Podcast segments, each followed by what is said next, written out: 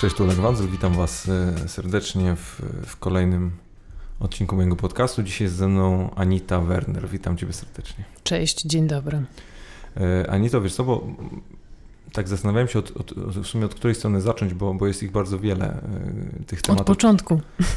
No właśnie, w pewnym sensie tak, ale z drugiej strony ten, taka kotwica będzie troszeczkę w innym miejscu, bo, bo ja mam takie wrażenie, że, że czytając sobie wiele mm, wywiadów z Tobą, czy, czy różnego rodzaju artykułów, w którym w jakimś stopniu Twoja osoba była, była no, główną postacią, miałem wrażenie, że za wszelką cenę większość z, z redaktorów, z dziennikarzy, dziennikarek, za wszelką cenę chce z Ciebie zrobić taką królową śniegu.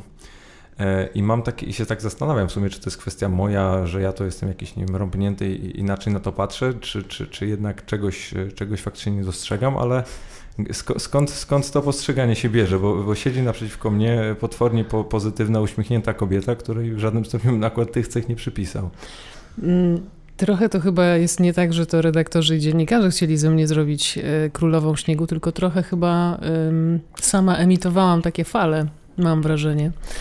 E, chociaż e, cieszę się, że e, Twoje wrażenie po spotkaniu ze mną, zresztą kolejnym, jest, jest inne, bo mieliśmy okazję, okazję rozmawiać no nie w oficjalnych też sytuacjach, w związku z czym widziałeś mnie nie tylko w telewizji. A to jest dosyć ważne, dlatego że ci, którzy widzą mnie tylko w telewizji, Rzeczywiście, jak mam szansę usłyszeć jakąś wiadomość zwrotną od nich, to słyszę, ale pani jest zimna, ale pani jest królową śniegu, ale pani się w ogóle nie uśmiecha e, i taka pani jest e, e, oficjalna. Po czym się okazuje, że w kontakcie prywatnym słyszę zupełnie coś innego, i, i, i to jest właśnie ta różnica, że praca to jest praca, a życie to jest życie po pracy. I mam pełną świadomość tego, że ja w pracy i ja w życiu po pracy to są dwie różne osoby, ale to zależy y, i jest warunkowane tym, jakimi zasadami się y, kieruję, żeby tę pracę wykonywać. I no nie mogę być y, sobą prywatnie w pracy, bo to nie na tym polega. Tam jest pewien rygor, kodeks postępowania, który, który mnie trzyma w pionie. I, i tym bardziej w zawodzie dziennikarza newsowego, no, na taki luz, jaki mam w życiu prywatnym. E, nie mogę sobie zawsze pozwolić. Nie mogę sobie generalnie pozwolić. Więc, e, więc to jest tak. I, I to chyba też wynika z tego, że przez wiele lat pracy na samym początku e, w dziennikarstwie słyszałam albo też odczuwałam, że mm, nie wszyscy brali mnie poważnie, nie wszyscy we mnie wierzyli. Czyli oto ta dziewczyna, która kiedyś była modelką, która kiedyś chodziła po wybiegu, to może jednak nie ma mm, niczego w głowie, to może jednak nie ma niczego do powiedzenia, więc ja e, chyba jakoś tam podświadomie, e, jednak bardziej niż świadomie, starałam się e, pokazać, że jednak jestem coś warta, że jednak coś mam w głowie, że jednak jestem, że jednak mogę być poważną dziennikarką zajmującą się newsami, i że moje życie wcześniej no było jakie było. Ja się go nie wypieram ani nie jestem. nie mam z nim w ogóle problemu. Gdyby nie ono, to, to by mnie tu nie było, bo jesteśmy sumą naszych doświadczeń, ale, ale gdzieś tam to mi ciążyło i pewnie te wszystkie oficjalne garnitury, które są mi męskie, które są mi do dzisiaj wypominane sprzed lat, trochę miały mnie właśnie postarzeć, miały sprawić, że będę wyglądać bardziej poważnie. I ta królowa śniegu może się też trochę z tego wzięła. Znaczy, no, no to będę ja mam takie wrażenie, że, że te garnitury to chyba tam wróciły ostatnio, ale ja to się na, na, modzie, ja się na modzie nie znam, ale nie, mam wrażenie, że coraz więcej Nie kobiet... w mojej szafie. No, jest też, jest też taka szansa. E, a mm, identyfikujesz e, jakiś moment, w którym jesteś w stanie powiedzieć, że no już doszłaś do wniosku, że nie musisz sobie nic udowadniać, albo mm, no zobaczyłaś, że, że jednak to, co tamte osoby gdzieś uważają, wcale nie jest aż takie istotne? Był taki moment jakiś czas temu, całkiem niedawno, rzekłabym, biorąc pod uwagę, że pracuję już tutaj w TVN24 18 lat. I pamiętam, że to było jakoś po odebraniu kolejnej nagrody, która została mi przyznana za, za moją pracę przez zacne grono ludzi, którzy się na tej pracy znają.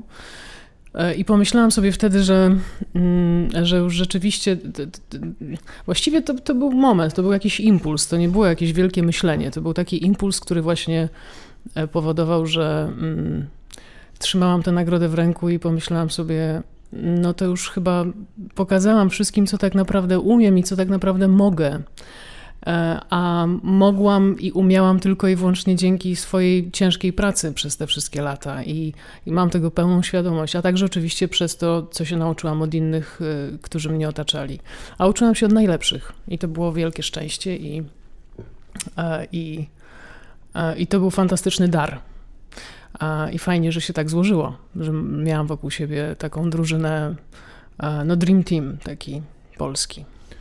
Pytam też dlatego, bo, bo mam takie nieodparte wrażenie, jak ogólnie patrzę na, na osoby gdzieś z tego mm, mediowego piedestału i tu mówię nie tylko o mediach informacyjnych, ale też wszelkiego rodzaju innych, czy osobach takich, które gdzieś są, są na tym świeczniku, tak naprawdę w każdym stopniu są analizowane przez szeroko pojętą opinię publiczną.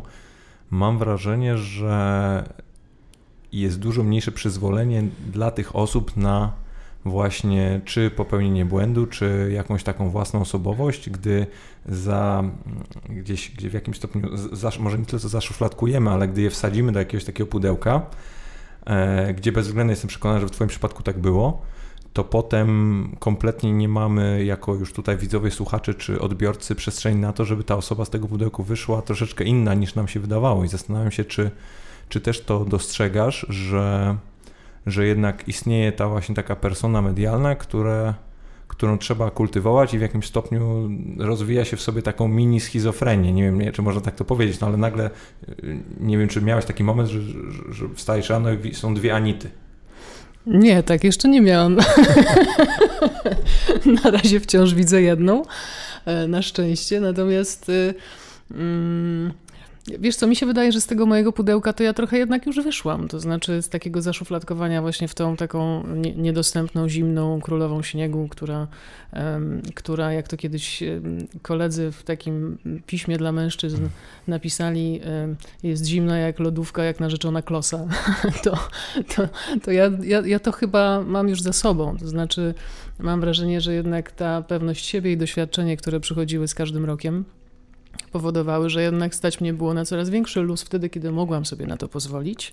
I oczywiście nie mówię tutaj o, e, o faktach 19, tylko o, o różnych sytuacjach, które gdzieś tam e, mi towarzyszyły w pracy na co dzień, e, ale i, i, i które też było widać publicznie.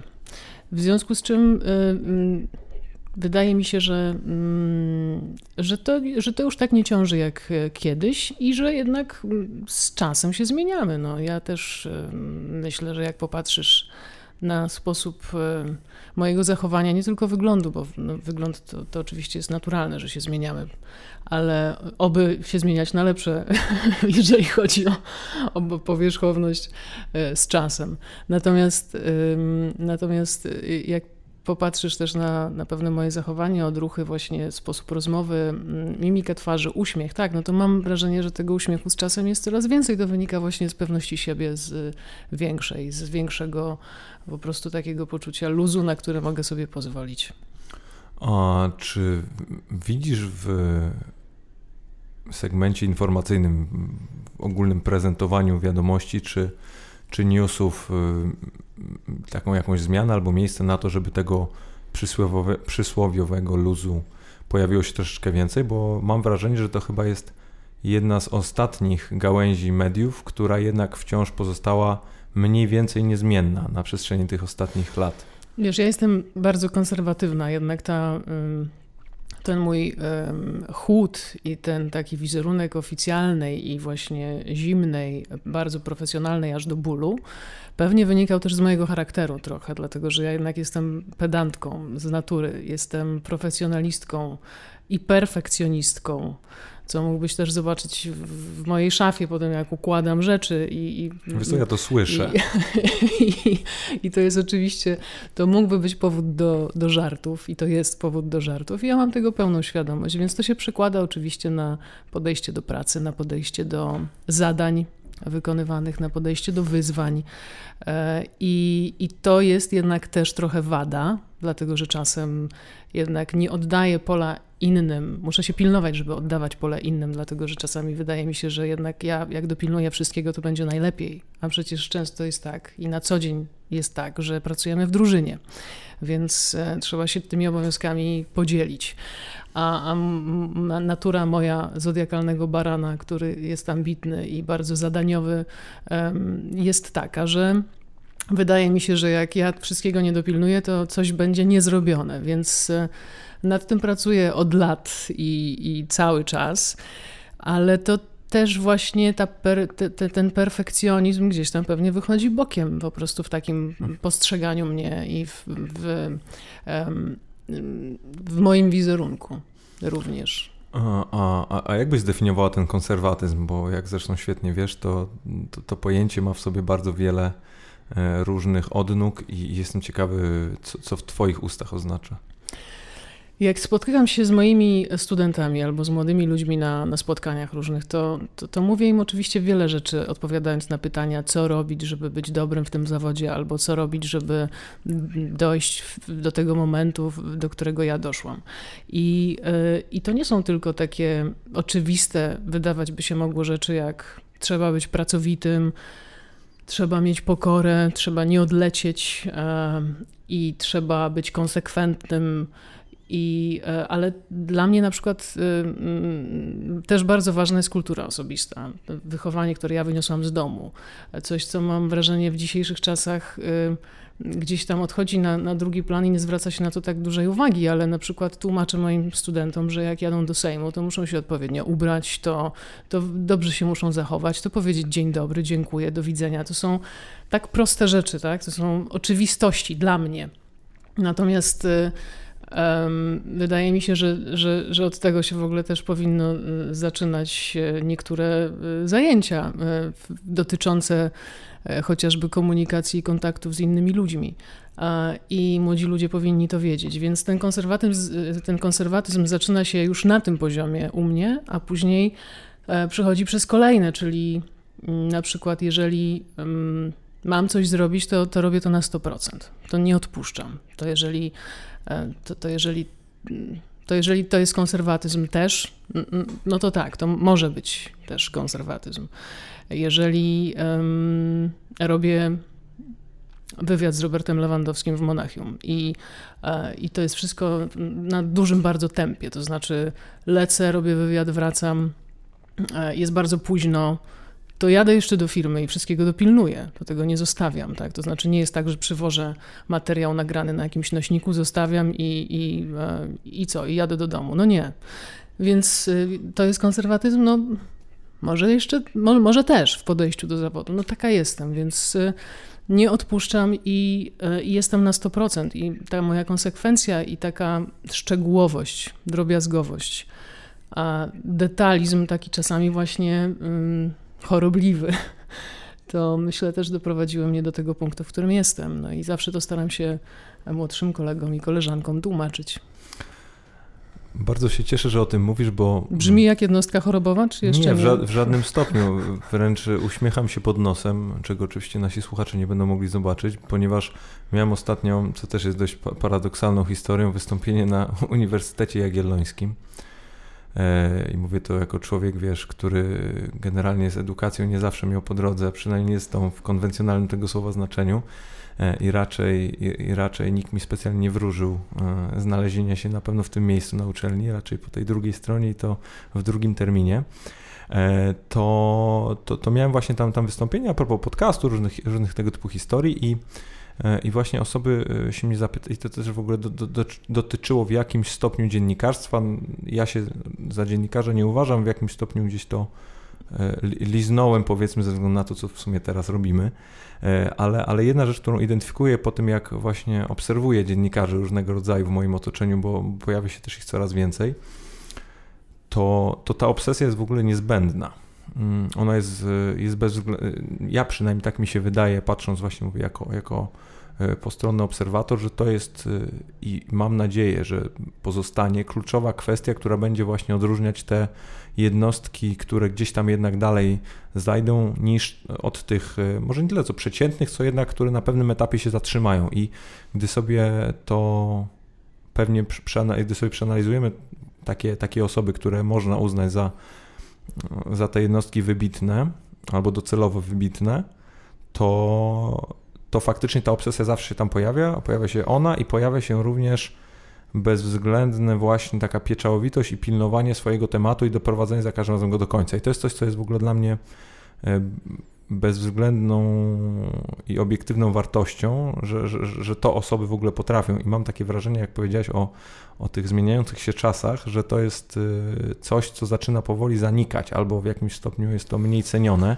Nie wiem, czy też to widzisz. Mm, to jest też związane z, z, odpowiedzialnością za to, co robię i za, za to, co robimy, jeżeli mówić ogólnie. To mhm. znaczy, mhm. no, jestem odpowiedzialna za, za to, jak wykonam swoje zadanie. Jestem odpowiedzialna za to, jak wykonam swoją pracę. Mało tego, jestem odpowiedzialna za słowa, które wypowiadam. Często relacjonuję czyjeś słowa, a to już jest podwójna odpowiedzialność, więc to jest na przykład też e, w moim odczuciu mm, podstawowe i absolutnie niezbędne do, do, do wykonywania tej pracy i do wykonywania jej dobrze i uczciwie. I, I nie zapomnę, jak niedawno właśnie też rozmawiałam z, ze studentami, z młodymi ludźmi, na przykład o, o tym, e, co to znaczy kogoś zacytować. I i cały czas to powtarzam, że jeżeli kogoś cytujemy, to cytujmy e, dokładnie, słowo w słowo. Nie, nie, nie róbmy relacji z czyjegoś e, zdania, bo to wtedy nie jest już to zacytowane zdanie, tylko to już jest nasza relacja powiedziana w mowie zależnej, a to ma nie być mowa zależna, tylko jeżeli to ma być cytat, to słowo w słowo mam to zobaczyć. To samo powtarzam swoim współpracownikom młodszym w pracy. Jeżeli ktoś, e, jeżeli widzę, że ktoś przytacza wypowiedź jakiegoś polityka i dostaje tekst do sprawdzenia jakiegoś młodszego kolegi albo koleżanki i widzę, że ta wypowiedź jest napisana zupełnie innymi słowami i pytam się, dlaczego tak jest. A mówię o ćwiczeniu, tak? Mówię o, nie o pracy na co dzień, tylko mówię o ćwiczeniu, jakimś tam ćwiczeniu po prostu warsztatu, tak? Którym, który tutaj się czasami odbywa też. Wybacz, na chwilkę cię wetnę, tak bardzo nie chciałbym być po drugiej stronie tego pytania, dlaczego, nie wiem, nie wiem skąd mam takie poczucie, ale że, bardzo że bym nie że brzmie. Że, że brzmie groźnie? Nie, nie wiem, wiesz to nie, to, nie, to, jest, to... to jest to takie połączenie w jakimś stopniu poczucia winy z kompletną niemożnością znalezienia powodu, dlaczego aż tak jakby co, co nie zadziałało, bo wydaje ci się, że zrobiłeś najlepszą robotę, a ty dalej widzisz w pewnym sensie nie, no, ale tak zdobywamy doświadczenie, ale tak? Musimy bardzo, się tak to jest uczyć. Bardzo słuszne. Więc, e, więc na pytanie, dlaczego na przykład słyszę odpowiedź, no ale przecież on tak powiedział. No i tutaj się zaczyna analiza, tak? Słowo za słowem. No ale tutaj to słowo nie, nie jest takie, jak, jak było wcześniej w oryginalnej e, wypowiedzi. I to są Szczegóły, tak, to są szczegóły, ale to są tak bardzo ważne szczegóły w naszym zawodzie. To są tak bardzo ważne szczegóły, jeżeli chodzi o uczciwość przekazu.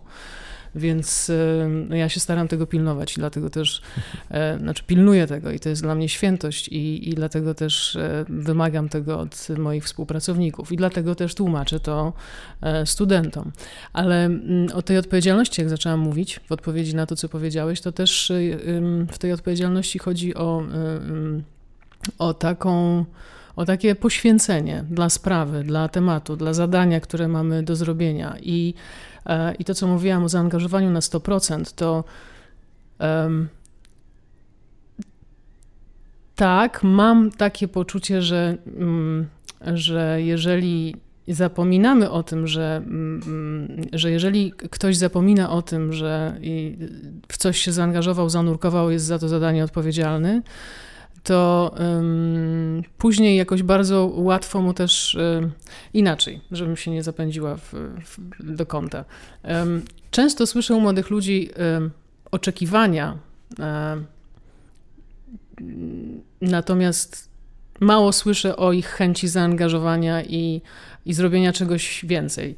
Nie wiem, no dzieci w szkole podstawowej robią czasami projekty albo prace domowe dla chętnych, tak? To to, to dla chętnych, to mam wrażenie, że mało tych chętnych jest y, trochę dookoła i, i trochę nad tym boleję, bo, bo wydaje mi się, że... Mm, że jakby ich było więcej, to tych chętnych do, do robienia czegoś nawet dłużej, częściej niż inni, to, no to w taki sposób właśnie mm, najlepiej się zdobywa doświadczenie, najlepiej się um, szlifuje warsztat i, i ci, którzy gdzieś tam zostają po godzinach, robią więcej, e, chcą, chcą więcej, no to później dochodzą dalej, no po prostu.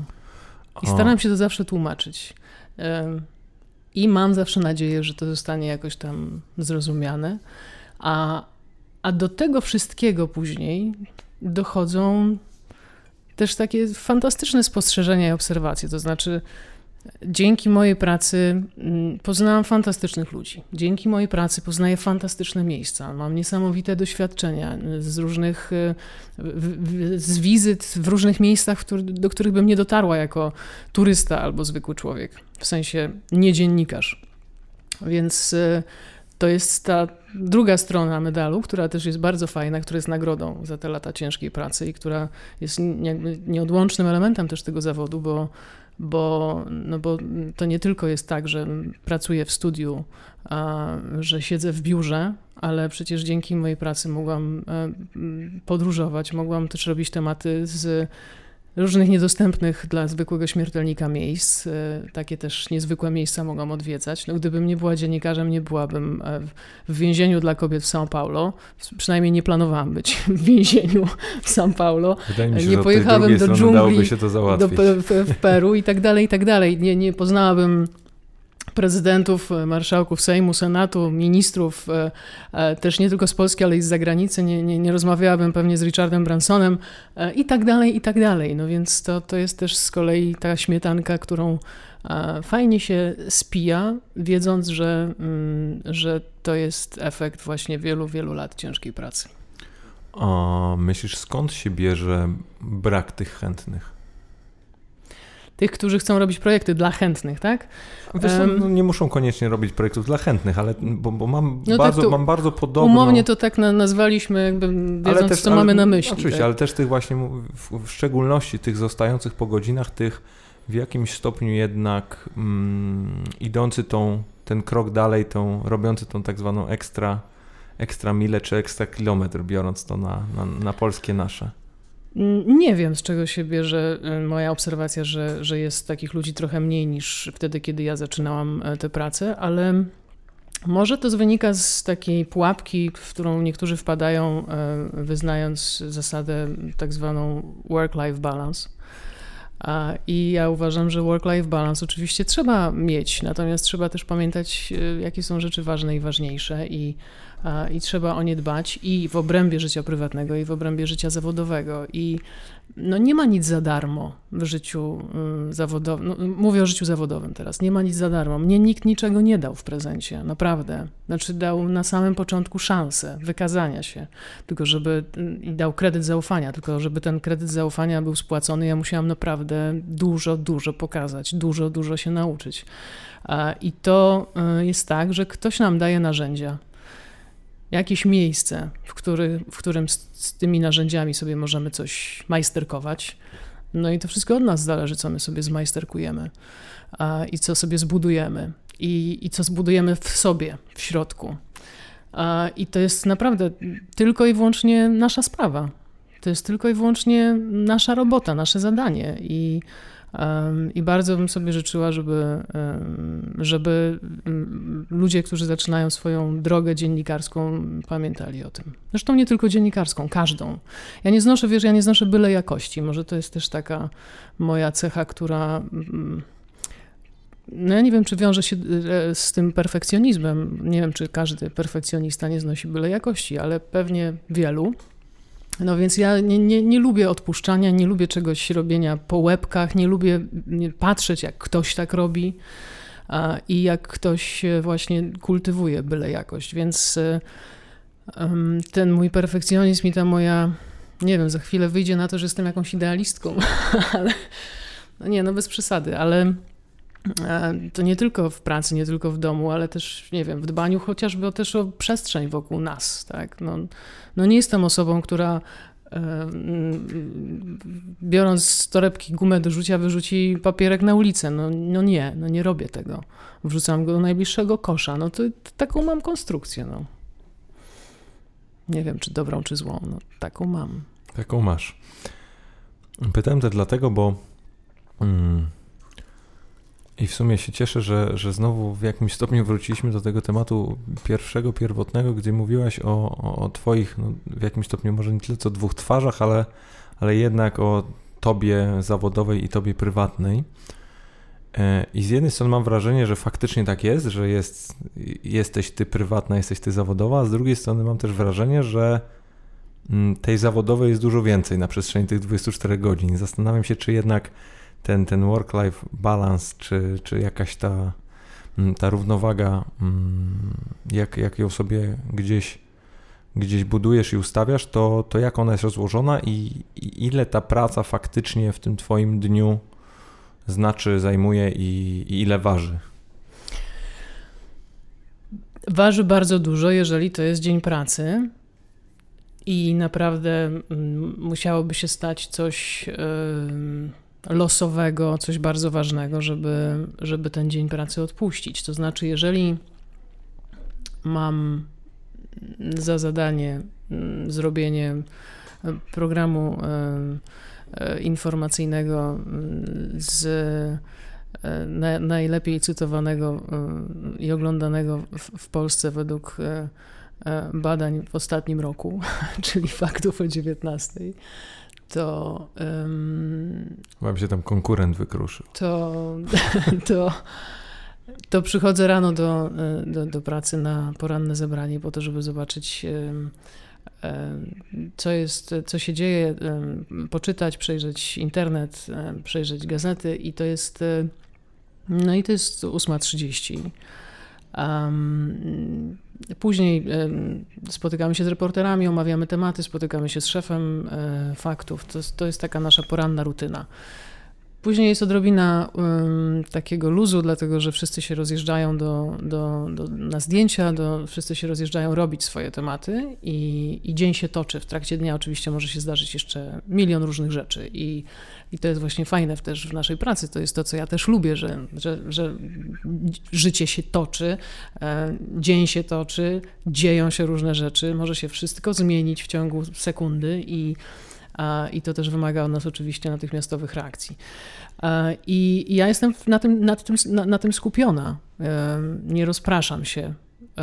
Jeżeli mam tą chwilę luzu, to oczywiście mogę sobie na ten luz też pozwolić przez chwilę, ale później e, z powrotem jest większe tempo, im mm, dalej czas płynie, jest popołudnie, są kolejne godziny, nie wiem, 14, 15, 16, jest coraz bliżej wydania, jest jeszcze większe tempo i, i choćby się, nie wiem, co działo, to ja, muszę, to ja muszę po prostu być skoncentrowana, sfokusowana. I oczywiście zdarzały się takie dni, które,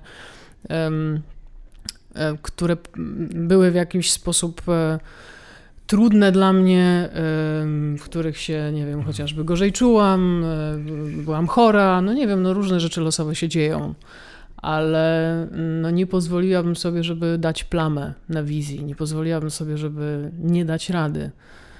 To też tutaj wraca mój perfekcjonizm. Tak, nie, nie pozwoliłabym sobie, żeby nie dać rady. To też jest pułapka, w którą, w którą czasem e, wpadam, że zawsze muszę dawać radę.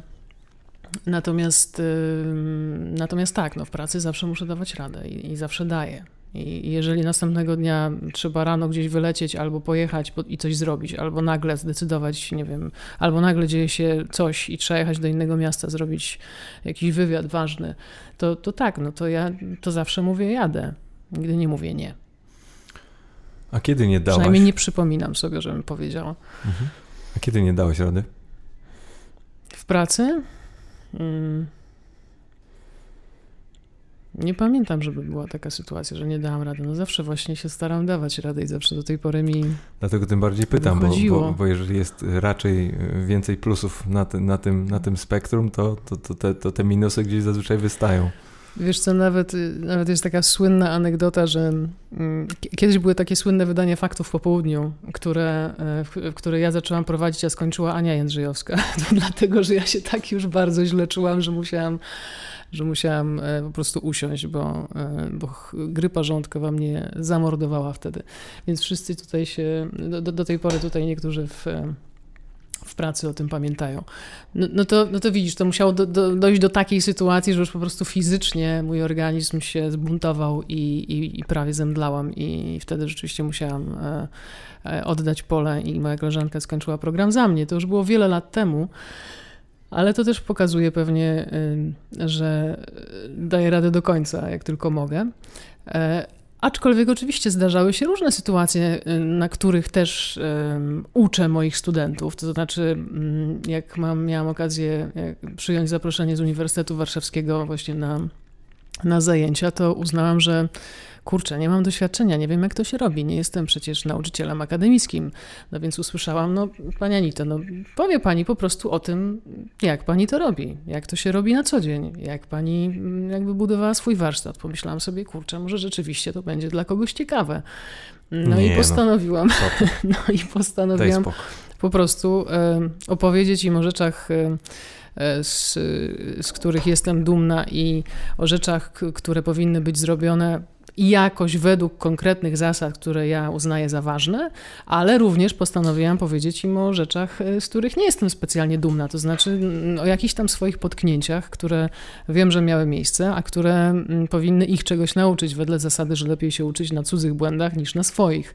Więc, e, więc tak, no zdarzają się takie sytuacje, które E, e, o których e, chciałabym czasem szybko zapomnieć, ale to nie jest takie danie plamy albo takie niedanie rady, o które mam wrażenie pytałeś, więc zdarzało mi się na przykład kiedyś nie wziąć jednej kartki z biurka. Po prostu mi w stosie kartek gdzieś zaginęła i później się podczas wywiadu ze znanym politykiem ważnym okazało, że tej kartki nie mam i siedziałam tam w studiu i próbowałam znaleźć jakiś cytat, który chciałam mm, przytoczyć.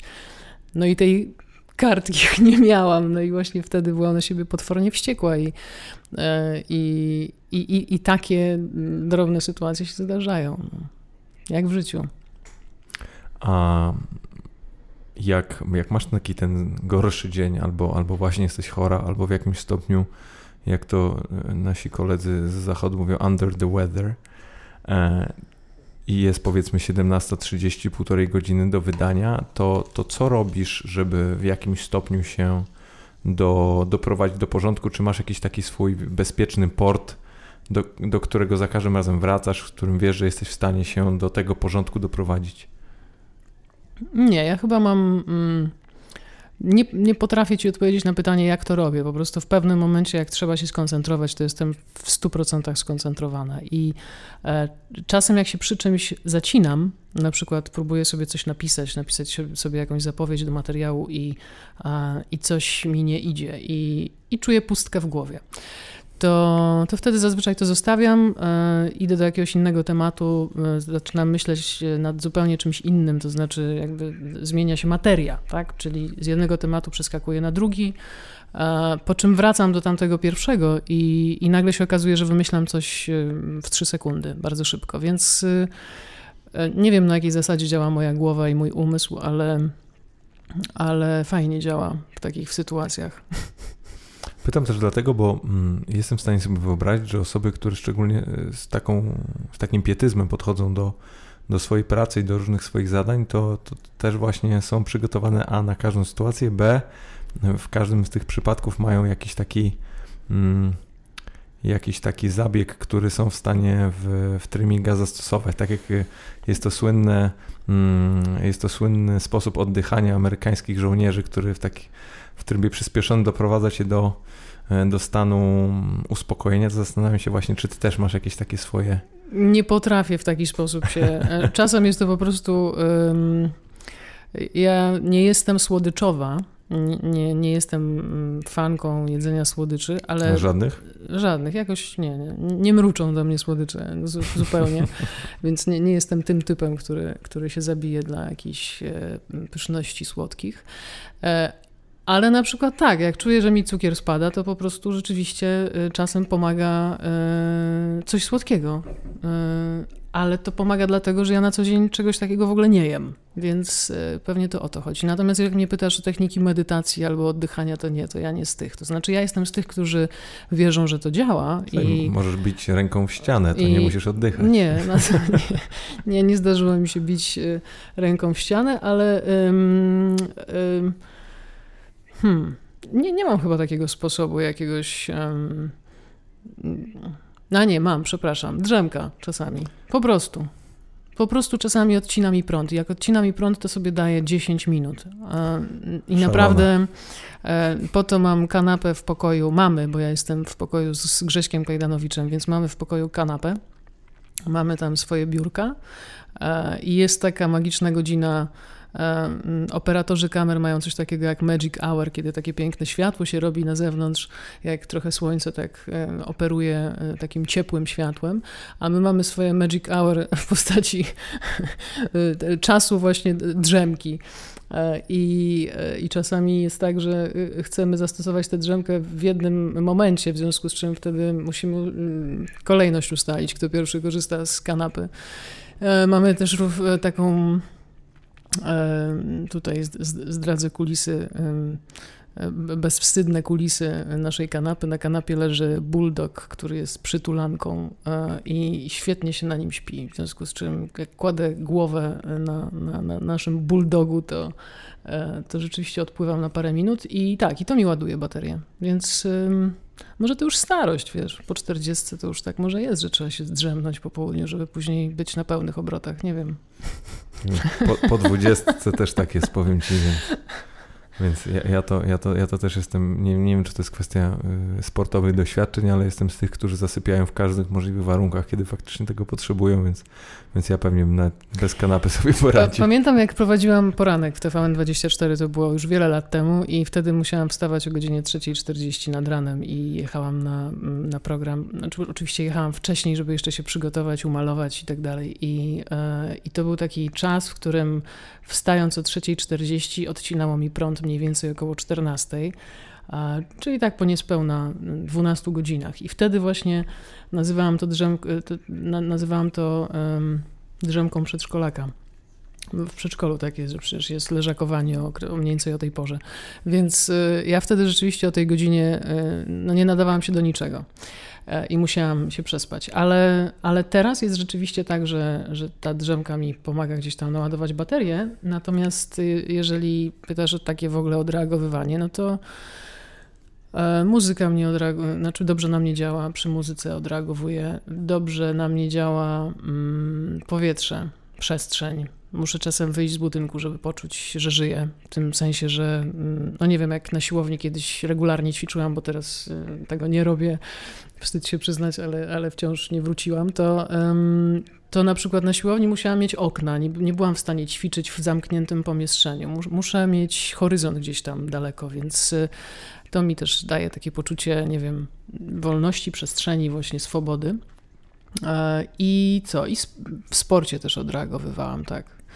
A poza tym ładuję baterię jak gdzieś jeżdżę. Nawet y, czy to są podróże małe, czy duże, to nie ma znaczenia. Czy to jest blisko, czy daleko, to nie ma znaczenia. Potrafię e, naprawdę mm, cieszyć się tym, że jestem gdzieś e, nawet y, pod Warszawą, albo y, w dzielnicy, y, którą, którą nie do końca znam, albo gdzie, albo jak sobie utnę pogawędkę, nie wiem, z panią z warzywniaka i zapytam, co słychać, jak idzie biznes, to z tego czasami się e, jakieś śmieszne rozmowy e, rodzą.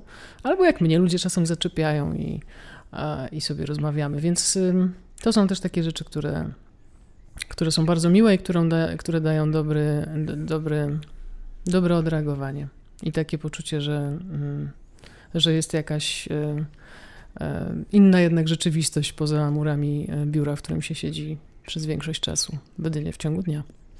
A zastanawiałeś się, albo czy zastanawiasz się, albo może jest to coś, co robisz dość często, nad, nad tymi osobami, które siedzą po drugiej stronie ekranu i, i, i zadać sobie pytanie, kto to tak naprawdę jest, i nie mówię tutaj o tym w rozumieniu, że masz do nich szacunek i myślisz o tym, do kogo mówisz, żeby mówić do nich w sposób profesjonalny, rzetelny i ciekawy, ale, ale tak czy, czysto po ludzku, czy w ogóle masz coś takiego, wiesz, tak jak mm, nie wiem, ja pracuję w biznesie YouTube'owym, no to u nas zawsze się prze, prze, prze, przejawia taka, taka teza, że no ten użytkownik jest najważniejszy i musimy w jakimś stopniu non-stop o nim, o nim myśleć, o, umieć o nim nie zapominać. I zastanawiam się, czy, czy siedząc w studio, patrząc y, en face w kamerę, mm, przechodzą ci czasem takie myśli właśnie, kto siedzi po drugiej stronie i, i co te twoje wiadomości mogą mm, dla tych ludzi znaczyć, nie wiem, coś wnieść do ich życia.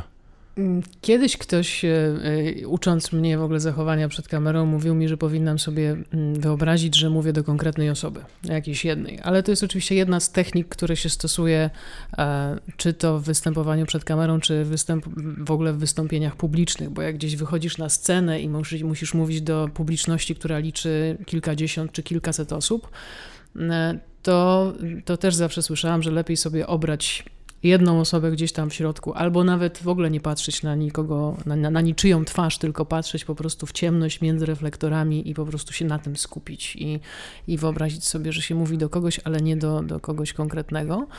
Jak e, siedzę w studiu telewizyjnym, to, to nie, nie wyobrażam sobie żadnej konkretnej osoby, do której mówię, ale tak, mam z tyłu głowy świadomość, że mówię do y, kilku milionów ludzi.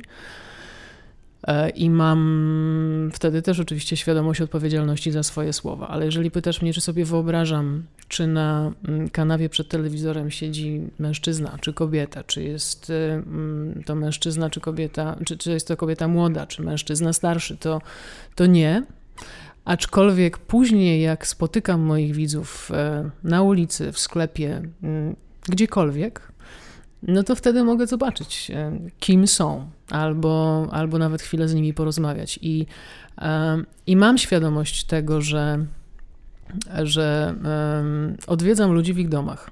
I to jest e, z jednej strony fajne, fascynujące, z drugiej strony no, budzi takie poczucie właśnie odpowiedzialności. Jednak kojarzy mi się to z, z ogromnym zaufaniem do, do mojej osoby, że oni mnie tam wpuszczają. E, jak e, przyjmowałam nagrody od publiczności, czyli telekamery, a niedawno e, dostając wcześniej trzy telekamery, w tym roku dostałam złotą, no to to jest taki feedback, który jest dla mnie wiadomością zwrotną pod tytułem mm, oglądamy panią, cenimy panią, podoba nam się to, co pani robi, proszę robić tak dalej.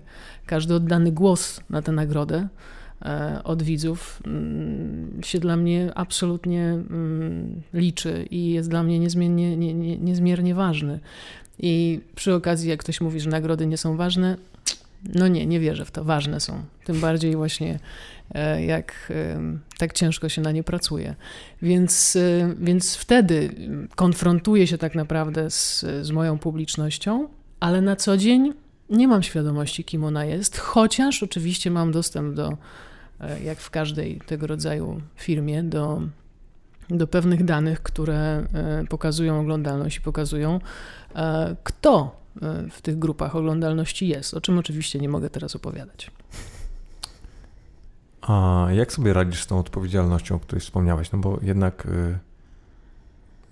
to, że jedno to jest mówić do kilku milionów osób, a drugie to jest też przekazywać im jednak bardzo istotne informacje bardzo często i zastanawiam się, Y, jak, jak ty na co dzień sobie z tym, z tym faktem radzisz, jak się z tym gdzieś tam rozliczasz wewnętrznie? W sensie, czy mnie to ciąży, czy nie? Nie, nie. Jak do tego podchodzisz? Jak, jak, jak, do tego podchodzisz w ogóle? Bo, bo to nie musi ciążyć, mm, ale, ale jest to stan faktyczny. Tam mhm. są ci ludzie i oni bardzo często dla wielu z nich, szczególnie po 35 roku życia, jak, jak to dane pokazują, mm, no jesteś pierwszym źródłem informacji.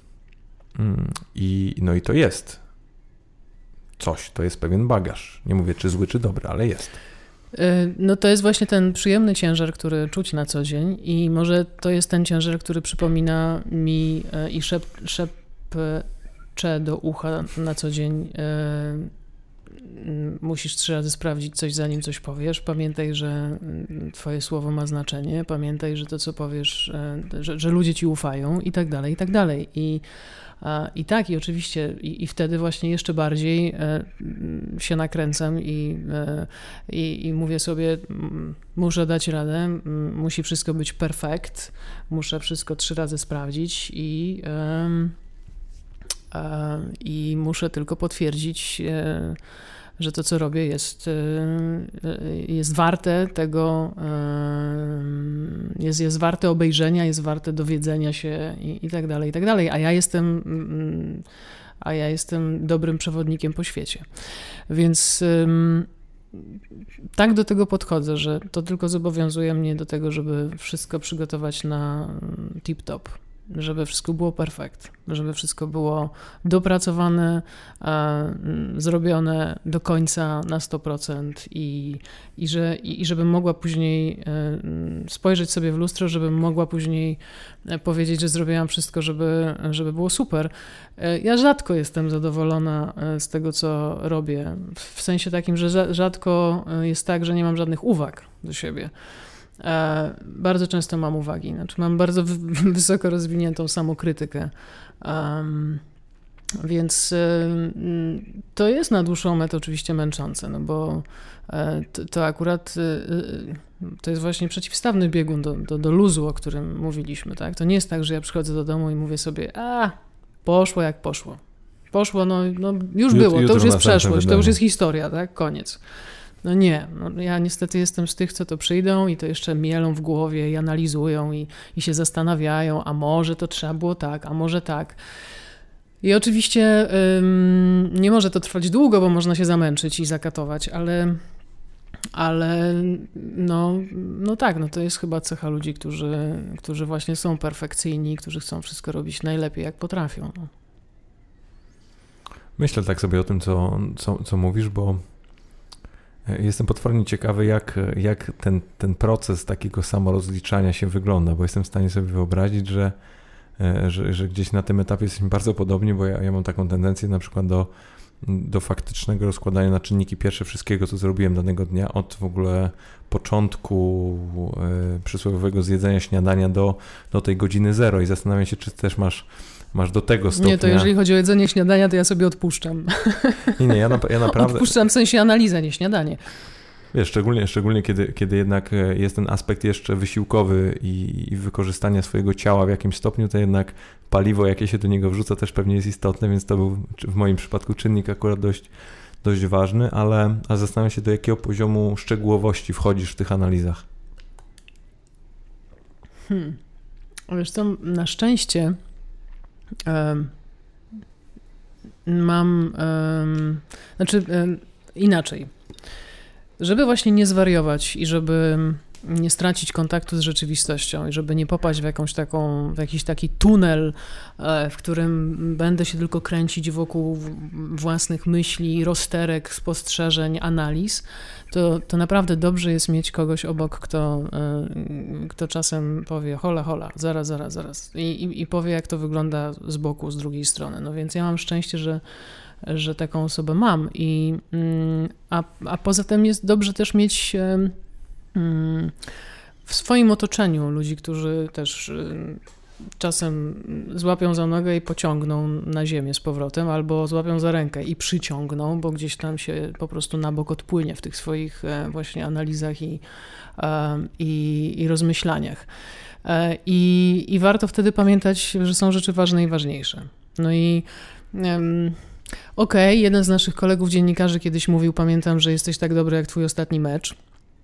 Co ty na pewno doskonale też jakby rozumiesz. Natomiast, tak. Y, natomiast no nie można też mm, dać się w tym swoim perfekcjonizmie po prostu zatracić, no bo nie, nie, nie dam ci teraz recepty, jak to zrobić, żeby nie, ale, mm, ale myślę, że tak, że dobrze jest mieć nie tylko pracę w życiu i to i to jest chyba też odpowiedź na, na parę następnych pytań dotyczących tego, jak sobie radzić z różnymi trudnymi sytuacjami. Jak człowiek ma jakoś tam życie w głowie poukładane i w emocjach poukładane, to to, to łatwiej chyba wszystko przechodzić i przez takie właśnie sytuacje, w które się analizuje też.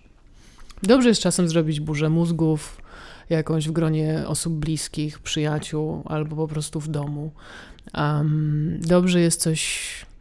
Um, a, dobrze jest coś na głos czasem powiedzieć, wiesz, żeby się nie, e, nie, we własnej głowie nie wpaść w taki tunel, który jest bezdźwięczny, a prowadzi po prostu nie wiadomo dokąd. I, i człowiek właśnie siedzi i coś tam mieli w głowie wpatrzony w jeden punkt i nagle się okazuje, że jak wypowie na głos jakąś myśl, która z tego tunelu wyjdzie, to też zupełnie się na to e, inaczej patrzy.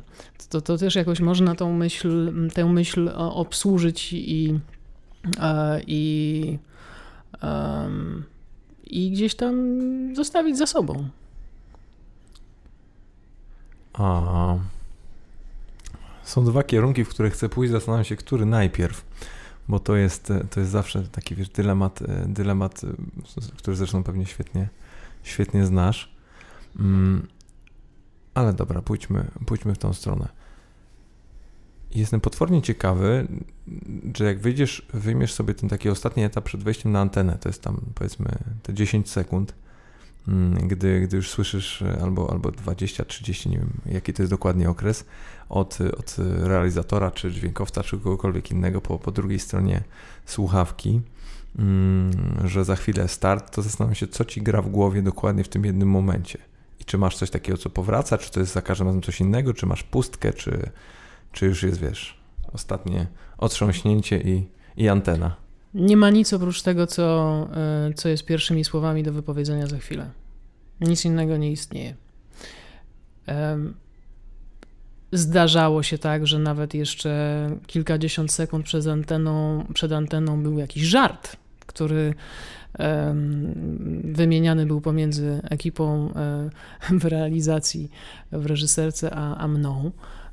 I kiedy ja, mając słuchawkę w uchu, coś tam słyszałam e, śmiesznego, ale to. Mm, ale to jak już jest naprawdę blisko wejścia na antenę, a naprawdę blisko to już jest 20 sekund, 10 sekund, to to wtedy jest błyskawiczne postawienie się do pionu. No, to już nie ma miejsca i przestrzeni na nic absolutnie innego. I, I, jest absolutny fokus i skupienie i koncentracja na pierwszych słowach, e, które za chwilę padną i które, e, które ja mam wypowiedzieć. I jakbyś mnie, e, mhm. jeżeli jesteś też ciekawy, czy, czy to się wiąże z tremą albo z jakimiś nerwami albo emocjami, to, mm, to nie trema, tylko adrenalina. Tak, to jest adrenalina cały czas, po 18 latach pracy. To znaczy, jak słyszę czołówkę faktów, e, to mam pełną świadomość, że, e, że nie ma żartów, że jest e, widownia i że jest program na żywo i że to jest i że to są fakty i że to jest marka i że to jest y, marka, która jest y, najlepsza na rynku, która, y, która jest moją marką i nie dam plamy pod żadnym pozorem, żeby coś poszło nie tak. Oczywiście zdarzają się wydania, w których mogę się przejęzyczyć, pomylić, potknąć, mówiąc coś i to się zdarza każdemu, ale mm, nie ma wtedy miejsca na nic innego w głowie.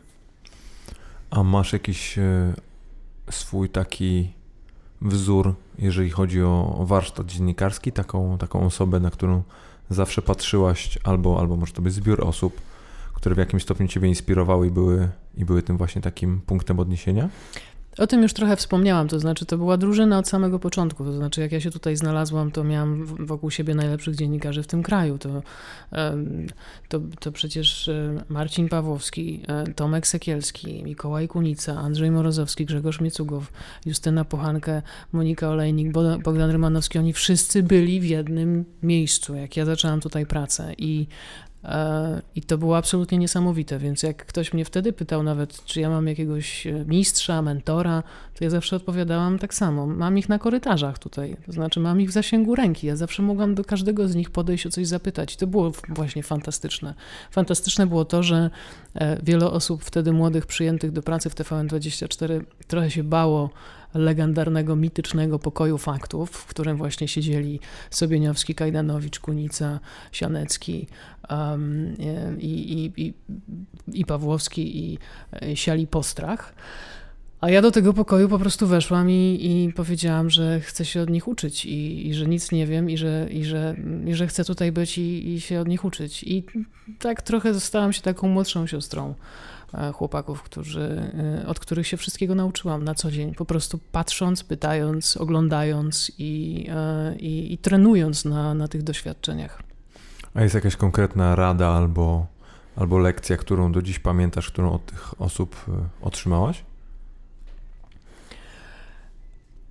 Pamiętam, jak kiedyś profesor Młynarczyk, który uczył mnie mm, mówić nie czytać nawet, tylko mówić w telewizji.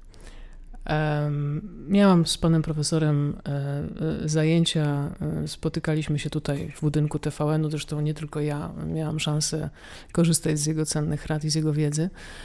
I, i wychował naprawdę w swoim, w swoim życiu, wychował mm, całe grono mm, fantastycznych ludzi, dziennikarzy, także z kartą mikrofonową, także nie telewizyjnych, tylko radiowych. I e, pamiętam, jak profesor Młynarczyk powtarzał mi, że mm, czasami jak dawał mi jakieś teksty na, na próbę do, do czytania, to żartował, e, przerywał mi w pół zdania, żartował, mówi pani do mnie jak do służby, a ja chciałabym, żeby pani do mnie mówiła tak, żebym ja panią słuchał z przyjemnością. I, e, i ja czytałam i czytałam i czytałam, poprawiałam akcenty, poprawiałam intonacje, i on zawsze mi powtarzał, że muszę mówić tak, żeby być zrozumiana, żeby ludzie chcieli mnie słuchać, żeby mówić takim językiem i w taki sposób, żeby skupić uwagę widza na tym, co jest ważne. E, od profesora e, Stanisława Młynarczyka nauczyłam się, jak, e, jak intonować, jak akcentować. Swoją drogą to ciekawe, że na lekcjach polskiego jakoś nie pamiętam w szkole takiego dużego nacisku na, na przykład na akcenty, e, a, a, a teraz... A teraz przypominam sobie te zajęcia z, z profesorem Młynarczykiem i to, to stamtąd jakoś e, e, te, te teorie i tę praktykę wyniosłam. No i i to chyba mi najbardziej utkwiło w pamięci, bo oczywiście tych rad na co dzień było bardzo, bardzo dużo dotyczących już bardzo konkretnych rzeczy, tego mm, na przykład, że zawsze materiał w telewizji zaczyna się od najlepszych zdjęć, tego, żeby mm, w zapowiedzi do materiału było coś najlepszego, intrygującego, żeby, żeby ten widz, który słucha mnie w, e, i na przykład E, e, robi coś, robi sobie kawę w kuchni, to żeby tą kawę przestał robić i podszedł do telewizora, bo, bo coś usłyszał. To, to, to zawsze to staram się też powtarzać młodym, młodszym ode mnie kolegom i dziennikarzom. I to są te rzeczy, które ja naj, najbardziej pamiętam. Jak patrzysz... A, no i żeby słuchać, mhm. przepraszam. Żeby jak już się z kimś rozmawia, to żeby słuchać swojego rozmówcy, żeby nie mieć przygotowanej listy pytań i odbębnić te i tutaj wszystkim e, mogę powiedzieć, że Olek nie ma żadnej listy dzisiaj, nie ma żadnej kartki przed sobą. Ja zawsze mam, więc dlatego też e, podziwem cię dzisiaj obserwuję. Natomiast, ja jestem z tych niekartkowych. Natomiast e, nie chodzi o to, żeby przygotować sobie listę pytań i je odczytać. Chodzi o to, żeby słuchać. Oczywiście, żeby się przygotować i przygotować sobie pierwsze pytanie, petardę na otwarcie rozmowy. I to też jest jedna z takich właśnie lekcji, które teraz mi się przypominają, że, że o tym też słyszałam i to też e, staram się pamiętać zawsze i to jest ważne, ale żeby, żeby słuchać swojego rozmówcy, żeby e, reagować na to, co powie. A masz jakieś swoje ulubione pytanie? Wiesz co, ulubionego pytania to chyba nie mam, ale mam takie, mm, to, ale to, to wiem od, e, od moich bliskich że, że mam taki zwyczaj czasem, że jak chcę coś e, bardzo od kogoś wyciągnąć i próbuję, próbuję, próbuję, to w końcu mówię, ale tak po ludzku, tak, tak po ludzku. I to, jak, to jakby pan to powiedział. Więc e, strasznie się to, to, moje tak po ludzku stało już e, tematem anegdot wśród bliskich, przyjaciół i w domu. Więc trochę się ze mnie śmieją. Pewnie słusznie. E, bardzo, bardzo mi się podoba ta kwestia, o której powiedziałeś w kontekście tego pierwszego pytania, bo ja stanowczo jestem, jestem wielkim zwolennikiem tego, żeby to, to pierwsze wybrzmiało albo żeby niosło za sobą coś innego, bo mam też takie wrażenie, że ono później układa ci całą, całą rozmowę. I, I to nawet nie, nie mówię w rozumieniu e, jakimś tam agresywnym czy, czy śledczym, bo, bo, bo jednak mm, to, to wszystko zależy od typu, typu rozmowy, ale ale jednak e, gdy, gdy nawet e, przed tym naszym nagraniem e, myślałem sobie jak zacząć, to, to jednak widzę, że a po pierwsze sprawia mi to ogromną przyjemność w ogóle myślenie o tym, bo, bo to faktycznie też, też jest przyjemny proces, a z drugiej strony mm, też zdaję sobie sprawę, że, że jak się źle zacznie, to potem, to potem te pierwsze minuty aż, aż, aż, aż też trudniej idą i, mm, i też nie, nie każdy później jest w stanie wybrnąć z tej, z tej tak, sytuacji. Tak, fajnie się wymyśla pierwsze pytanie. To, to, prawda, ja tutaj się zgadzam z tobą, że, że teraz właśnie sobie o tym pomyślałam i, i to jest rzeczywiście fajna zabawa. E, no to jest takie codzienne wyzwanie intelektualne w, w, w mojej pracy. I, I, bardzo też lubię, a tutaj zdradzę trochę kuchni, ale też bardzo e, lubię taki moment, kiedy już e, wszystko mam gotowe, e, wszystko jest napisane, e, wiem, co chcę powiedzieć E, materiały już są posprawdzane i wtedy siadamy e, z moimi wydawcami, czyli z osobami, z którymi e, jesteśmy odpowiedzialni za, za fakty i wymyślamy mm, podpisy, wymyślamy ozdobniki, czyli podpisy do, do takich małych obrazków, które się pojawiają podczas zapowiadania każdego tematu. To też jest zawsze Czasami jest dużo śmiechu przy tym, bo mamy różne skojarzenia i, i, i, to też jest takie odstresowanie wiesz, przed wydaniem. Już jest naprawdę bardzo niewiele czasu, już te wszystkie nerwy się przewaliły, już e, całe napięcie gdzieś tam, mm, część tego napięcia już została za nami i siadamy i zaczynamy wymyślić. Czasami mamy tak, wiesz, czasami po prostu łapie nas głupawka i mamy tak absurdalne pomysły, że przynajmniej ten śmiech taki nas trochę rozluźnia, a później idę już na make-up i, i do studia i znowu jakby muszę się spiąć już tak na serio do końca. Jakiś taki najbardziej absurdalny podpis, który oczywiście możesz powiedzieć? Nie mogę. nie, nie mogę powiedzieć.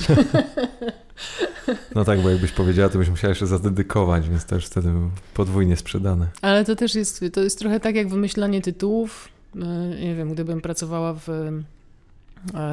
w gazecie i E, miała wymyślać jakieś tytuły artykułów, to, to, to też myślę, żeby była to dla mnie fajna zabawa. Tak mówię specjalnie zabawa, dlatego że to jest dla mnie takie, to mi się kojarzy właśnie z, takim, z taką intelektualną burzą mózgów, ale też z, z kupą śmiechu, więc, e, więc e, poza tym też są są takie osoby, którym to idealnie wychodzi, są takie osoby, które nie są do tego, tylko są do czegoś innego. Mam, znam takich kolegów, którzy właśnie idealnie się do tego nadają, bo wymyślają hasła, wymyślają takie słowa klucze w ogóle, jakieś takie połączenia słów, które idealnie pasują później do takich sloganów, do takich e, podpisów e, a ktoś e, jakby w ogóle nie ma takiego umysłu hasłowego, w związku z czym to każdy ma swoją dyscyplinę i, i tutaj rzeczywiście Mm, jak się zbierze taka grupa, która akurat e, dobrze się w tym czuje, to jest naprawdę śmiesznie. A propos dyscypliny, mm, jest jakaś gałąź e, mediów albo dziennikarstwa, który byś chciała kiedyś spróbować, a jeszcze nie miałaś okazji?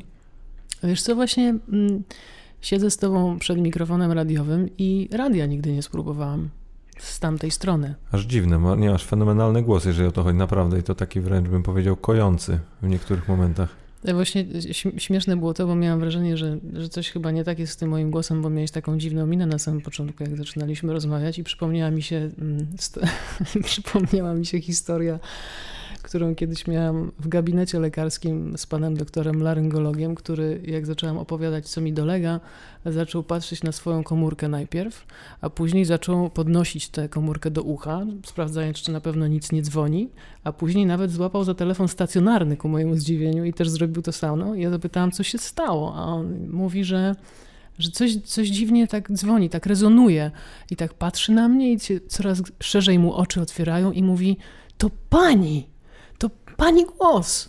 Ja mówię, ale jak to mój głos? I, i, i okazało się, że pan doktor powiedział, że mam, jakiś, że mam jakieś takie wibracje w głosie, które mm, są słyszalne, jak, e, jak, jakby właśnie jakieś pudło rezonansowe po prostu emitowało jakiś dźwięk.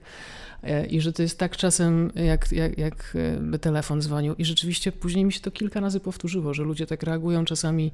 Podobno mój głos wpada w jakieś takie wibracje, że, że czasami e, niektórzy wychwytują takie e, dziwne fale. Więc otóż e, mam perforację w przegrodzie nosowej i to podobno przez to.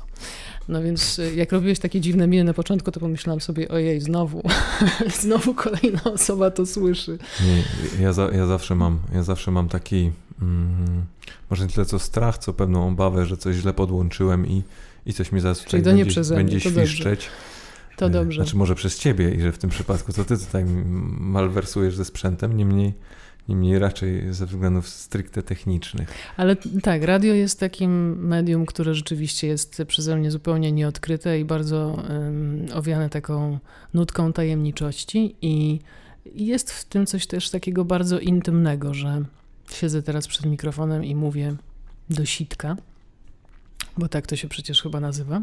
Nie wiem. A kiedyś koledzy muzycy mi tak nauczyli, że to się tak nazywa. I, i też jest właśnie takie poczucie, że, że, że później tego głosu, albo też w czasie rzeczywistym, to, to zależy, słuchają ludzie. I, e, I jak jeszcze miałam okazję odwiedzać takie bardzo przytulne studia radiowe, no to już w ogóle to było takie jakieś, e, w sensie takie malutkie, to, to jeszcze w ogóle takie było otulające i takie bardzo intymne i, i jest w tym coś magicznego. Mi się w tym, w tym medium najbardziej podoba, akurat tutaj tego nie mamy, no bo się rzeczy siedzimy w sali konferencyjnej raczej o gładkich ścianach, ale, ale gdy właśnie jest, jest ten, ta taka kompaktowość i, i ta przytulność, o której powiedziałeś i jeszcze jest ten taki w pewnym sensie głuchy pogłos, jakby to absurdalnie nie brzmiało, ale tak jest coś takiego, że wpadasz w taką dziurę, że jest twój głos, głos twojego rozmówcy, rozmówczyni i nie ma nic więcej, naprawdę nie ma nic więcej. I zawsze jest taki dziwny moment, szczególnie w radiu, kiedy, kiedy nagle ci się wcina realizator albo ktoś po drugiej stronie po drugiej stronie konsoli i, i nagle coś mówi, to tak się budzisz wręcz i nie wiesz, nie, nie wiesz skąd, to, skąd to się pojawiło, bo, bo jesteś tak bardzo w, tym, w tym momencie. Ale widzisz na przykład w radiu, tak samo w telewizji, w radiu pewnie bardziej, jest coś takiego, co, na co też mi zwróca, zwracano uwagę na początku mojego, mojej przygody z dziennikarstwem, czyli cisza. To znaczy, jak przestajesz mówić albo robisz dłuższą pauzę, to y, no w radiu to jeszcze bardziej słychać, w telewizji też to bardzo słychać. To znaczy, to, to ta cisza nagle się wydaje, że trwa w nieskończoność. Aczkolwiek czasem taka pauza też może mówić. To znaczy, ta cisza też może mówić, i to jest też czasem e, fajne i ważne, żeby to wybrzmiało. Mi któryś z dziennikarzy radiowych kiedyś właśnie powiedział, że moment, w którym zaczniesz się tą ciszą cieszyć, e, będzie momentem, w którym tak naprawdę w to medium wsiąkniesz tak, i, tak. i je zrozumiesz. Tak, ja? bo na początku możesz się tym stresować, a później rzeczywiście jak mm, zyskujesz pewność siebie i, i, i, taki, i taki spokój wewnętrzny, robiąc coś, to rzeczywiście przestaje to zupełnie przeszkadzać i wykorzystujesz to wtedy, kiedy chcesz. I jakby to nie jest twój, to nie jest twój wróg, tylko to jest twój przyjaciel. W któryś, e, właśnie sobie przypomniałem, w któryś z Twoich, e, z twoich wywiadów, czy, czy właśnie rozmów, które miałem okazję przeczytać, powiedziałeś, że, że, że, ten spokój jest dla Ciebie czymś bardzo cennym i, i bardzo o niego dbasz. I, I, zastanawiam się, co on w Twoim przypadku oznacza, bo jednak jest to słowo, czy, czy, czy, czy jakiś taki obszar, zbiór pewnych rzeczy, które się za tym kryją, które dla każdego są troszeczkę czymś innym. Czym jest ten spokój dla Ciebie? Hmm. Spokój to jest e, taka wewnętrzna nie, nie chcę zabrzmieć tandetnie teraz, ale to jest taka wewnętrzna błogość, to jest taki błogostan, to jest, e, to jest nie takie poczucie, że nic nie muszę, bo to nie o to chodzi. To jest e, poczucie, że, e, że właśnie wszystko mogę, ale że, mm, że mam do tego warunki i że dobrze się czuję. I że jestem, i że mój ekosystem, e, w którym mm, jestem, mi w tym pomaga. To wszystko, myślę, się składa na, na, na spokój. Mm, spokój oczywiście też się wiąże no, z różnymi aspektami życia, które mm, są nie tylko zawodowe, przynajmniej ten mój spokój. Ale, ale rzeczywiście spokój jest dla mnie bardzo ważny, y, aczkolwiek spokój w moim przypadku nie oznacza nudy. To też nie mylmy tych dwóch pojęć, bo, bo, to, bo to nie tak. E, ale mm, ja myślę, że to, to pewnie też przychodzi z wiekiem taka refleksja, że hmm, warto o ten spokój dbać, nie zawsze warto się napinać, nie zawsze warto przeciągać linę, nie zawsze hmm, warto, żeby było na moje, e, tudzież nie warto stawiać zawsze na swoim, no bo tak. E, czasem.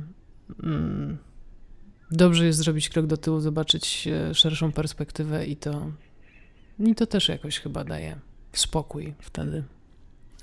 Pozwolisz, że się z Tobą podzielę pewnym przemyśleniem, które mam po tej, w, sensie w trakcie tej naszej rozmowy, ale już jako, że trochę trwa to, to, to, to, to, to wydaje mi się, że to jest też odpowiedni moment, bo mam wrażenie, że jak tak Ciebie słucham, że bardzo wiele z tych rzeczy, o których mówisz, A są gdzieś głęboko przemyślane, B na jakimś etapie Twojego życia, nie jestem tylko oczywiście w stanie powiedzieć na jakim, w jakimś stopniu musiałaś doświadczyć pewnego jakiegoś negatywnego bodźca w związku z, z nimi, że, że dzisiaj już dostrzegasz, co jest dobre, co jest złe e, i jesteś w stanie w sposób bardzo świadomy o tym mówić. I zastanawiam się, czy, czy dzisiaj już możesz powiedzieć, że może nie tyle, co, wiesz, co jest dobre, czy co złe, ale co co u ciebie działa, co u ciebie nie działa i, i jaka jest, jakby, jakie jest życie, które tobie się podoba i, i które chcesz kultywować. Tak, oczywiście, że tak. To znaczy, trochę to czasu zajęło. Mam 41 lat i, i, i te wszystkie lata y, przeżyte y, ukształtowały mnie taką, jaka teraz jestem. I tak, to są doświadczenia, tak, to są doświadczenia różne. Tak, to są przemyślenia i tak, to są wnioski. Zasada numer jeden: E, nie popełniaj dwa razy tych samych błędów. Ucz się na, znaczy wyciągaj wnioski i nie powtarzaj y, tych samych sytuacji, myśląc, że, y, że się inaczej skończą. to, to, to, to myślę, że, że to wszystko, co przeżywamy i, i co, czego doświadczamy, nas buduje. I pewnie 10 lat temu bym inaczej brzmiała, inaczej mówiła, inaczej odpowiadała ci na to pytanie. Um, każdy z nas jest sumą doświadczeń i każdego z nas kształtuje życie i rzeczywiście na każdym etapie życia y, jesteśmy w stanie powiedzieć, co, czego chcemy, czego nie chcemy. Nawet fajnie jest mówić, e, e, znaczy fajnie jest wiedzieć, czego nie chcemy, to przynajmniej już wiadomo, że to, to, to przynajmniej już wiadomo, w którą stronę można najdalej iść. I, I to wszystko zawsze wynika z tego, co było. To znaczy, myślę, że tylko nierozsądni, nieroztropni ludzie nie, nie, nie uczą się na tym, co, co przeżyli. Warto wyciągać z tego wnioski i warto wprowadzać je w życie. Ja jestem też taką, takim typem, który jak coś się dzieje, albo jak coś się wydarza, albo um, nie wiem, coś mnie zaskakuje, albo coś jest y, nowego, albo coś jest niekomfortowego, to ja to chcę rozwiązać. To znaczy, ja jestem takim typem, który od razu coś chce zrobić, żeby, żeby, żeby coś zmienić, z czym się nie czuję źle, albo co psuje spokój albo co psuje klimat. mówiąc tajemniczo i ogólnie. Więc, e, więc jestem takim typem, który ma ochotę od razu wziąć te kombinerki, narzędzia i tam coś mm, naprawić, tak? I, i, i coś zmienić.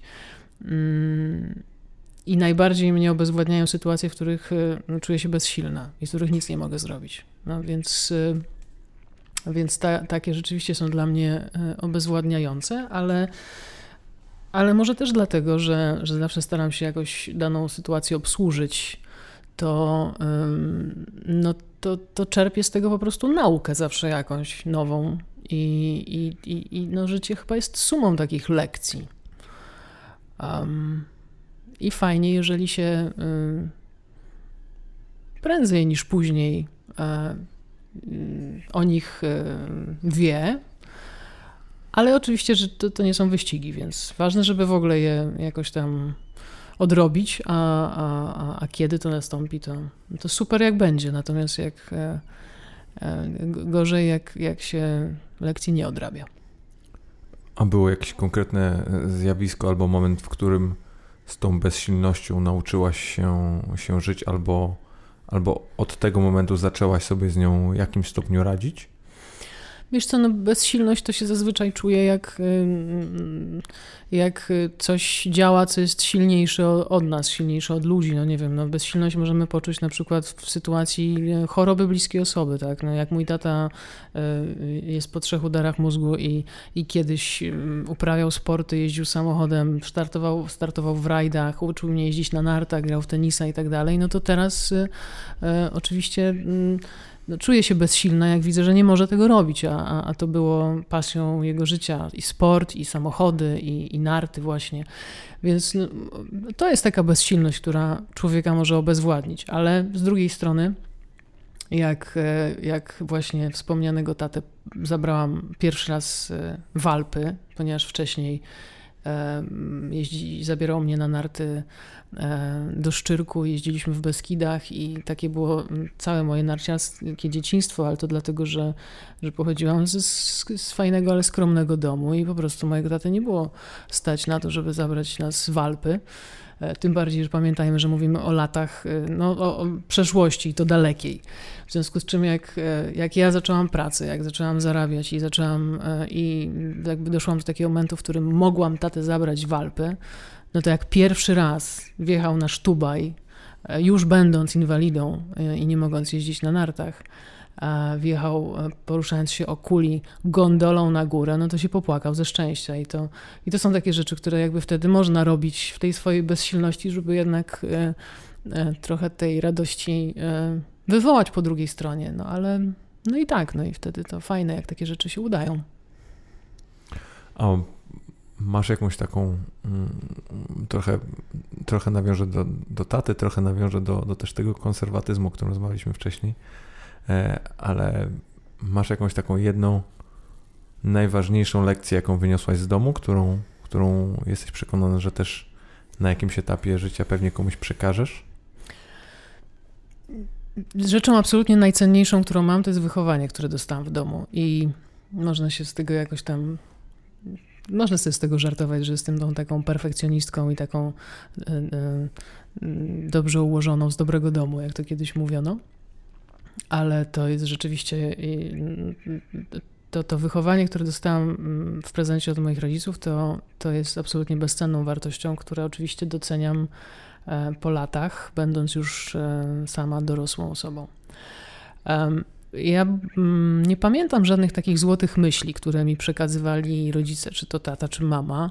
Nie mam czegoś takiego, że e, jak jak, jak ludzie mówią czasami, a tata to mi zawsze powtarzał, albo mama to mi zawsze powtarzała coś tam. Nie pamiętam.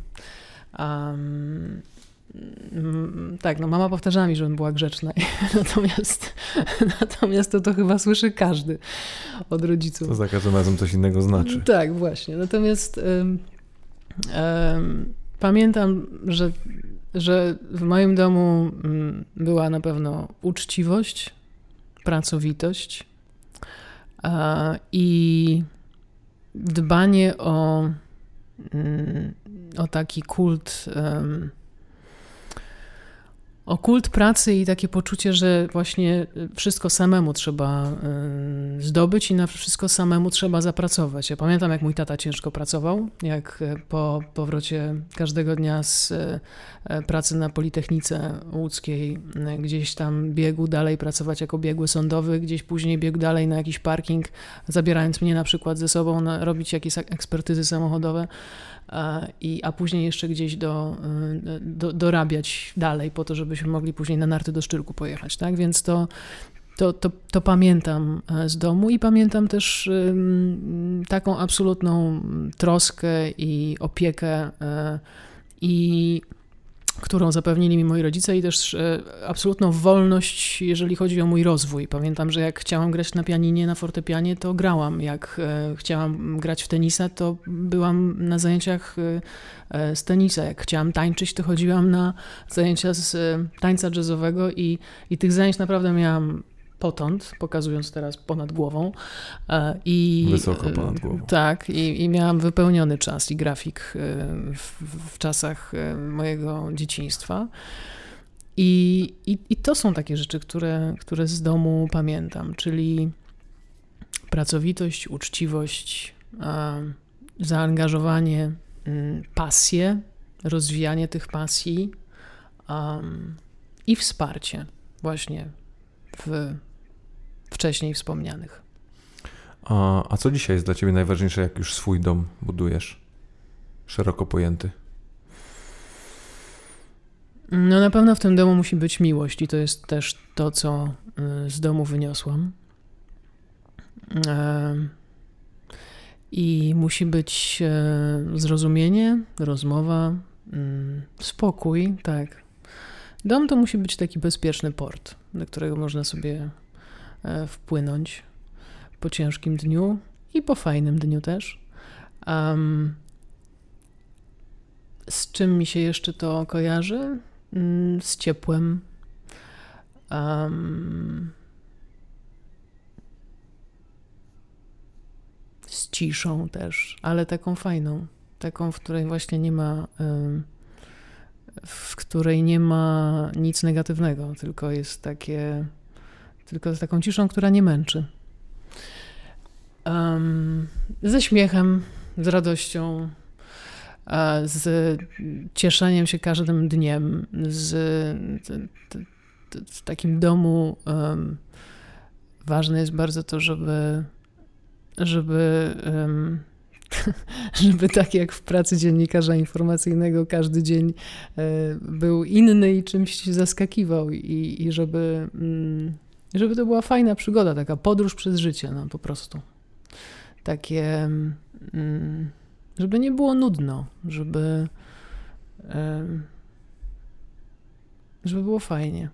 No ale banał, no.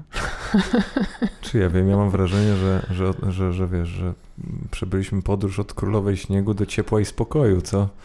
Czego pewnie, pewnie no wiele osób by nie powiedziało, że to w tym kierunku może zabr zabrnąć.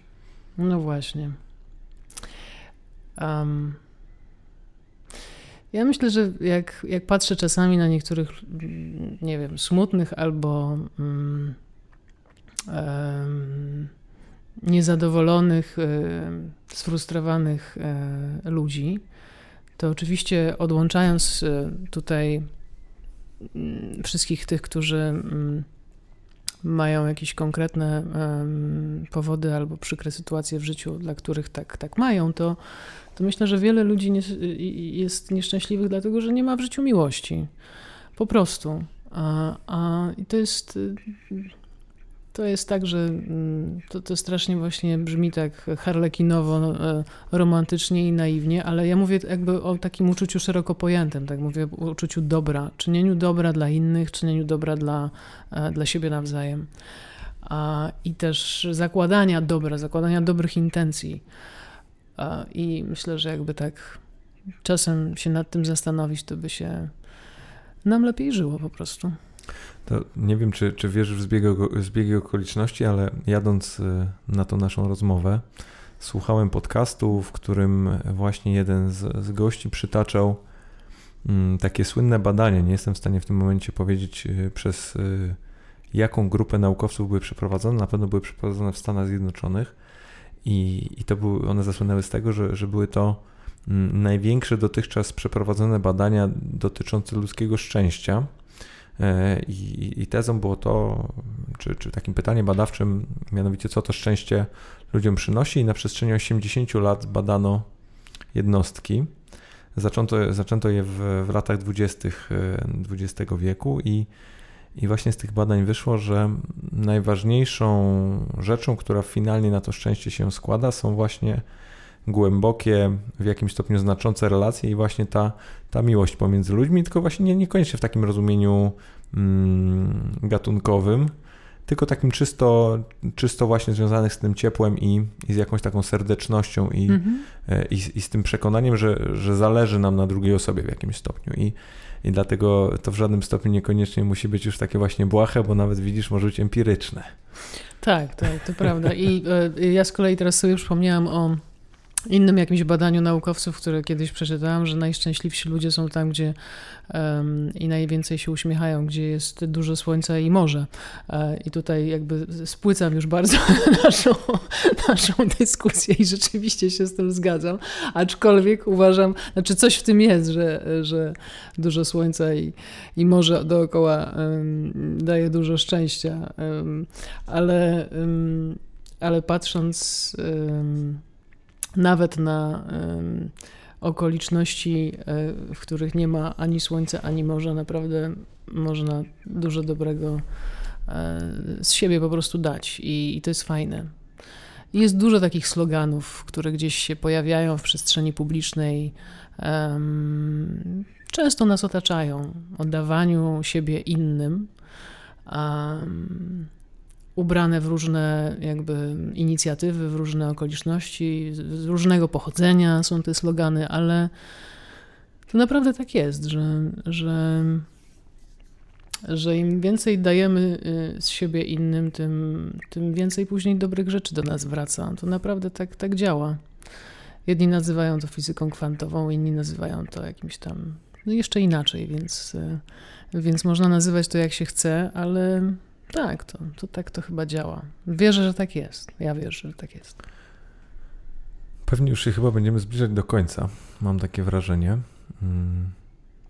I zastanawiam się, czy jest coś, e, co byś e, mi i, słuchaczom jeszcze chciała na koniec powiedzieć, jakbyś miała nas tak z czymś zostawić. Jako, że w sumie jeszcze rozmawiamy wieczorem, więc tak akurat będzie do przemyślenia. Hmm. Ja jestem słaba chyba, wiesz, w głoszeniu takich myśli, które później mogą być e, e, czyimś mottem i daleka jestem od tego, ale, mm, ale życzę wszystkim, żeby, mm, żeby chciało im się żyć i żeby, żeby to było fajne życie. I um, i żeby niezależnie od tego, czy mają za oknem słońce i morze, zawsze je gdzieś tam czuli w sercu i, i żeby mieli wokół siebie dużo miłości. Mm, po prostu od ludzi. A, I też od.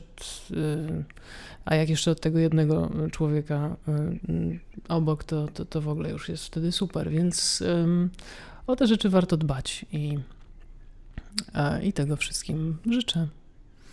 To ja również Tobie tego życzę i bardzo Ci dziękuję. Dziękuję bardzo. Do usłyszenia.